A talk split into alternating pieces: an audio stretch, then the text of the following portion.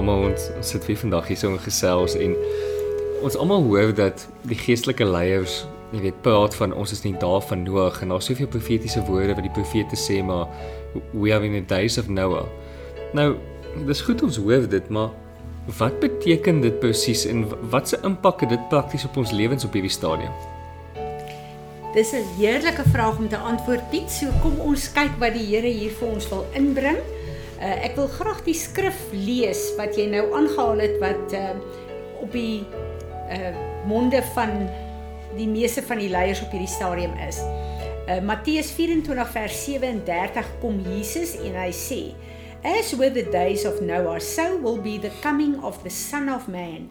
For just as in those days before the flood they were eating and drinking, men marrying and women being given in marriage, until that very day when Noah went into the ark.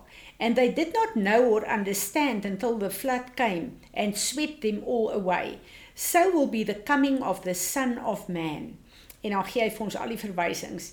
En dan gaan hy aan en sê at that time two men will be in the field. One will be taken and one left. Two women will be grinding at the mill. One will be taken and one left. Watch therefore, give strict attention, be cautious and active, for you do not know in what kind of a day, whether a near or a remote one, your Lord is coming. As ons kyk in die tyd van Noag, dan was dit 'n tyd waar die woord sê, uh dit wat hier op aarde aangegaan het was vir God so erg geweest dat hy afgekom het aarde toe en die woord sê God was jammer dat hy mense geskaap het. Wat 'n verskriklike woord is dit net nie. En ons weet as ons kyk na die geskiedenis in die tyd van Noag, dit was 'n pervers, a geweldige perversiteit wat op die aarde was, afgodery, daar was Nephilim, dit wil sê half mens, half demoon wat op die aarde gewandel het en God het besluit hy gaan 'n groepie mense 'n remnant wat die woord van praat. Ons praat baie daarvan. Gaan hy in afsondering invat. Hy gaan hulle in die ark invat. Nou die ark was op drie vlakke gewees wat vir my baie baie interessant is. As 'n mens kyk na uh hierdie hele vloed van Noag het gegaan oor die water en die aarde en die hemele.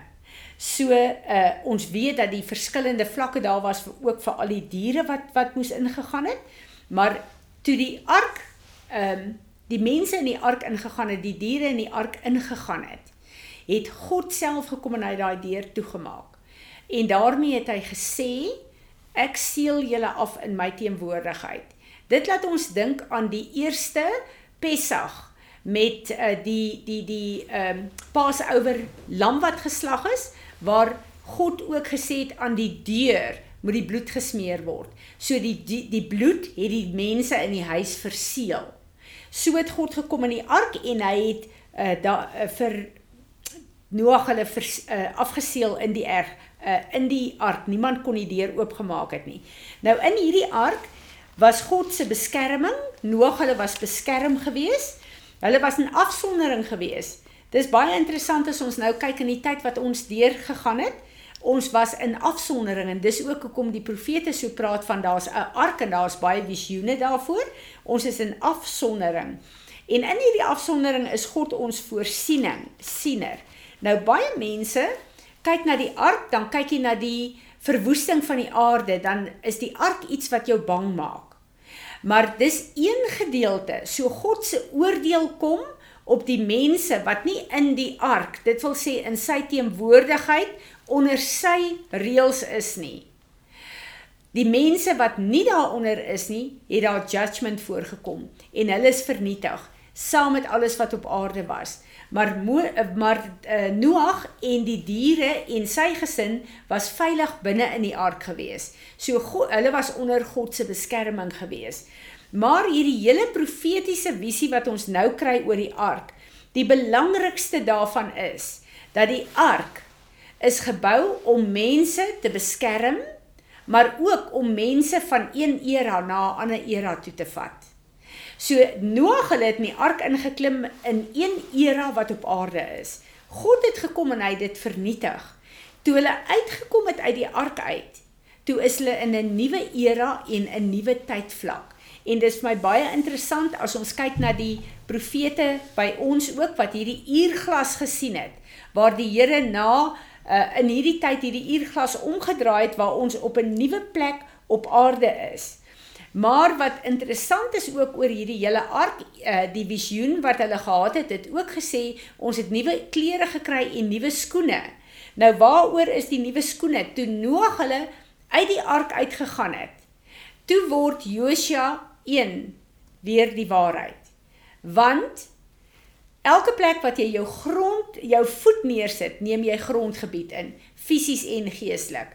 So die oomblik as jy uh uit die ark uitkom, as jy in hierdie nuwe era wat ons nou is inkom, is daar nuwe grondgebied wat ek en jy gaan inneem, geestelik maar ook fisies. So uh hierdie nuwe grondgebied beteken ook daar is 'n plek waar ons 'n uh, oorlogvoering moet doen om in besit te neem dit wat die Here vir ons in hierdie tyd op aarde roep, hierdie nuwe era wat wat uh, ons in is. En as ons daarna kyk, dan kyk ons ook weer na die woord wat die Here oor en oor gegee het en gesê het, "You are my warrior bride." So dit is die eh, hele betekenis van die ark en hoekom die Here praat uh, oor die ark. Nou wil ek teruggaan na, na die vraag toe wat jy heel eerste gesit sê het uh, uh, gevra het Piet van hoekom sê Jesus ons is nou weer soos in die dae van Noag. Ehm um, ons weet ons is nou besig om hierdie nuwe era in te gaan, maar as ons kyk waar ons op aarde nou is en ons kyk na wat in Noag se tyd ingegaan het. Daar's soveel defilement, daar's soveel seksuele perversie. Daar's soveel van God se wette wat omver gegooi is. God se reëls wat net eenvoudig uh, geminag word. So op aarde is ons op 'n baie gevaarlike tyd. As ons kyk na wat aangaan oor die kinderpornografie en die human traffic en die wat ons uh, wat in 'n beskermde wêreld lewe nie regtig so mee te doen kry nie. Dan is dit 'n gruwel in God se oë. As ons kyk na die abortus die miljoene kinders wat net eenvoudig vermoor word voordat hulle op aarde kom dis 'n gruwel in die oë van die Here so ek weet ons is besig om na 'n tyd toe te gaan. God is besig om ons nog steeds te beskerm soos in die ark sy kinders. Ons is veilig maar hier's 'n wêreld buite wat God se judgment gaan kry. So hierdie hele dae van Noag sê nie net vir my hoe sleg dit op aarde gaan nie. Jesus praat met die wêreld wat vol sonde is, net soos in die dae van Noag. Dit gaan presies vandag op aarde aan, maar in dieselfde asem sê hy vir ons wat sy remnant is. In Noag se tyd is julle in die ark, julle is beskerm. Daai ark het 'n naam, Jesus Christus en sy bloed. So ons is in die gees in hierdie tyd in die wêreld is ons in God se teenwoordigheid. Nou soos wat jy gesels en oor die suiwerheid van die bruid en en al die goed, nou sit ek en dink maar ons bly in hierdie wêreld en in die wêreld het tog maar stelselmatig in ons eie lewens ingesyfer en daar is maar goedjies waar die wêreld sy vinger afdrukke op ons gesit het. Nou is dit te laat vir ons? Jy weet wat doen die mense omtrent hierdie goed? Hoe Hoe kom hoe kry jy jouself uit die wêreld uit binne in hierdie ark in? Piet, dis 'n vraag waarmee ons almal nou gekonfronteer word. Ons kyk na die tekens van die tye en almal van ons weet, ons is besig om die eindtye totaal ons uh, dis die geboortetydpyne van die eindtye. Die tyd is min, maar voor ek en jy dink die eindtye het daarom nog daai 7 jaar van Daniël, moet ons weet, die skrif wat ek gelees het, is 'n heenwysing.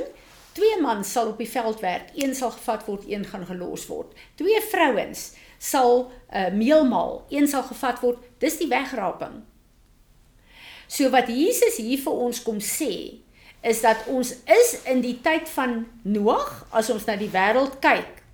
Maar in hierdie tyd voordat die 7 jaar van die uh, tribulation kom, van die groot verdrukking kom, gaan Jesus ons as sy bruid kom wegvat. So wat dit vir my en jou sê, is ek en jy weet nie hoeveel tyd het ons nie. Jesus kan môre kom. Is ons gereed? En as ons twyfel, dan kan ek en jy kom, ons het sy bloed en ons kan onsself voor die Here kom verneder en sê Here, Ek wil kom vergifnis vra. Kom wys vir my wat verkeerd is. Ek wil deel wees van u bruid, deel wees van u wegraping. En ek wil hê jy moet ons mense 'n bietjie ly. Kom ons vra vergifnis en ons berei ons voor en posisioneer ons voor God vir hierdie belangrike tyd. Ja, ja, ek wil vir u kom en vir u sê maar ons verstaan nie. Ons is nie goed genoeg. Jy werk seker elkeen wat na hierdie ding luister het in sy binneste nou gedink maar hier's soveel goed waaraan ek vasgevang is en as hierdie inperking tydperk waar ons nou deewes vir ons een ding geleef het is dit dit vir ons uitgewys het van hoeveel verslawing sondes ons eintlik mee sit. Hoeveel goed in ons lewens ons vasgevang is waar die wêreld sy vingers in ons in het en waar hierdie goed ons eintlik vasvang.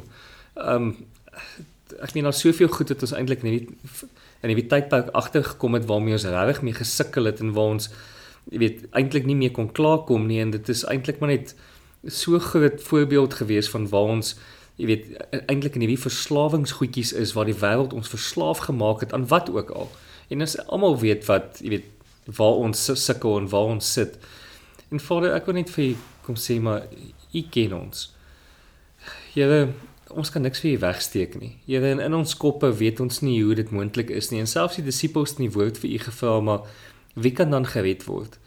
En u het hulle geantwoord en gesê maar vir mense is nie moontlik nie, maar by God is niks onmoontlik nie. Vader, ek vra dat u wonderwerkende redemption, u wonderwerkende reddingskrag oor ons sal begin uitstort, Here. Jy weet dat u ons uit hierdie wêreld sou uittrek. Jy weet maar ons kies ook nou om uit hierdie wêreld uit te kom. Here, ons weet nie om van hierdie verslawings ontslae te raak nie. Ons weet nie om die wêreld se vingerafdrukke uit ons uit te kry nie, maar ek weet u kan, Here. Heilige Gees, ek weet U kan ons kom toemaak en U kan ons nuut maak en en U kan ons uitvat. Here Jesus, ek ek pleit U bloed af op elkeen wat hierna luister en elkeen wat U wil vasgryp in hierdie plek.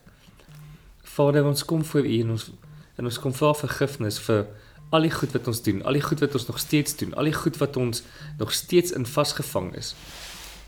Here, en ek wil vir U vra kom werk in ons. Heilige Gees kom werk in ons sodat ons hierdie ding kan uitloop en dat ons ander mense kan wees.